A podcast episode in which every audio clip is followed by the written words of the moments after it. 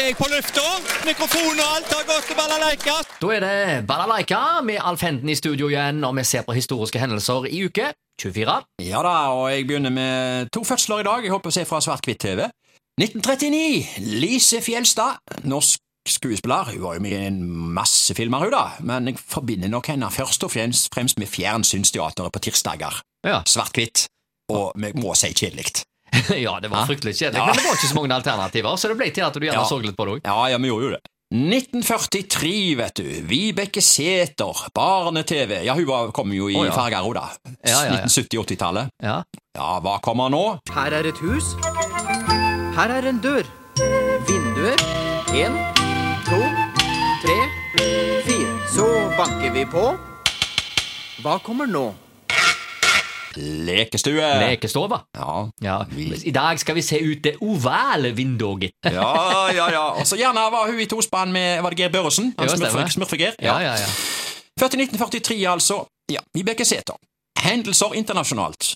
Eh, Da begynner jeg i dag med 1885. Frihetsgudinnen, som var en gave fra Frankrike, ankommer havna i New York. Og selvfølgelig, vi må jo bare nevne det, at det er antageligvis materiale her fra gruven i Visnes.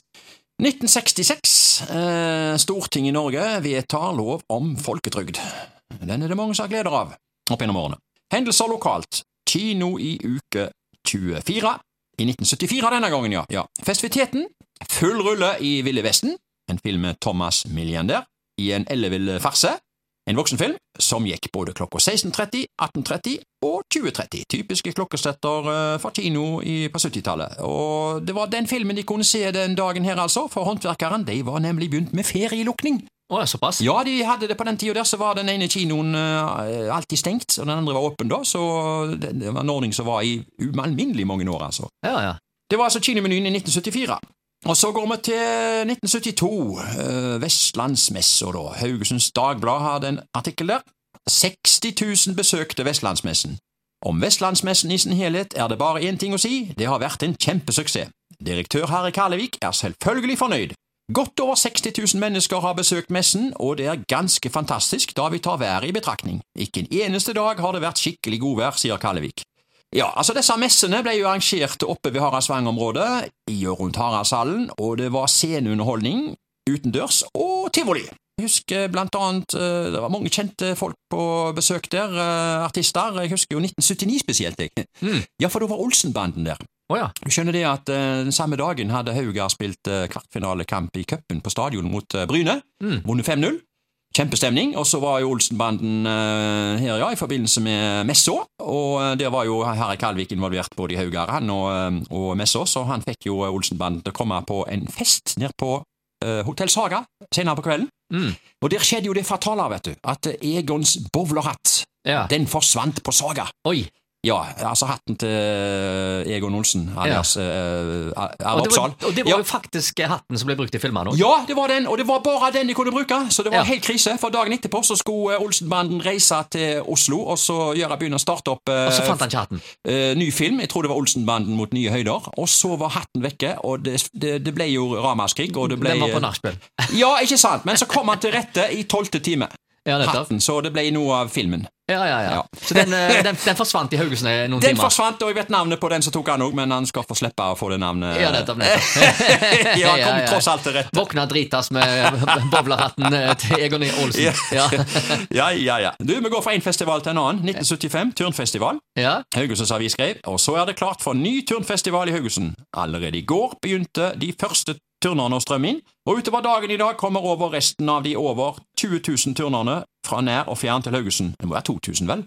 Ja, eh, Jeg vet ikke. jeg det, Det var mange i hvert fall. Ja, det var mange fall. Ja, altså Haugesund ble på 70-tallet en eh, turnfestivalby, og ja, da ble det første landsturnstevnet arrangert i forbindelse med at Haugesund turnforening fylte 80 år. Um, jeg kan si det at Sverre Meling junior, eller Geia som han ble kalt, han var primus motor for at Haugesund ble turnfestivalby, og flere tusen turndamer by, invaderte byen. Jo, jeg tror det kan ha vært 20 000. ja. ja, det var en del. Eh, hovedarrangementet var jo alltid på Haugesund stadion. Eh, det husker jeg veldig godt.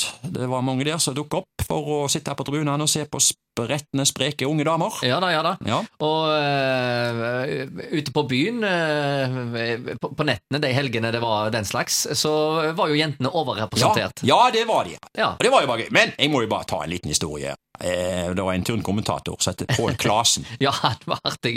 på NRK. Eh, Ja, ja, ja. Han, eh, han var jo kommentator på 60-tallet, og han var jo kjent for alle disse her utallige fol folkevognvitsene og litt sånn kontroversielle morsomheter.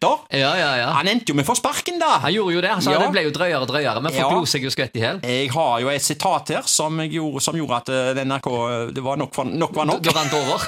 ja. Ja. ja. tar seg selv i beinet og løfter det så høyt så det er en fryd, faktisk. En flott pike inne. Han kunne ha lyst til å si god dag, mitt navn er H.C. Andersen. Har lyst på et eventyr, men det sier man selvfølgelig ikke. Det var bomøvelsene, da. Jeg Ja, bare nettopp. siterer her, jeg, altså, Ja. sånn som jeg har funnet, funnet det på, på Wikipedia her. ja. Altså Pål Klasen. Der går Unni Holmen ut i spagaten på bommen så hele pølsebua åpner seg. Den som hadde vært bom nå, dere. Den ble litt drøy. Og da er det bare én ting å spørre om. Pål Clausen! Oi, hot!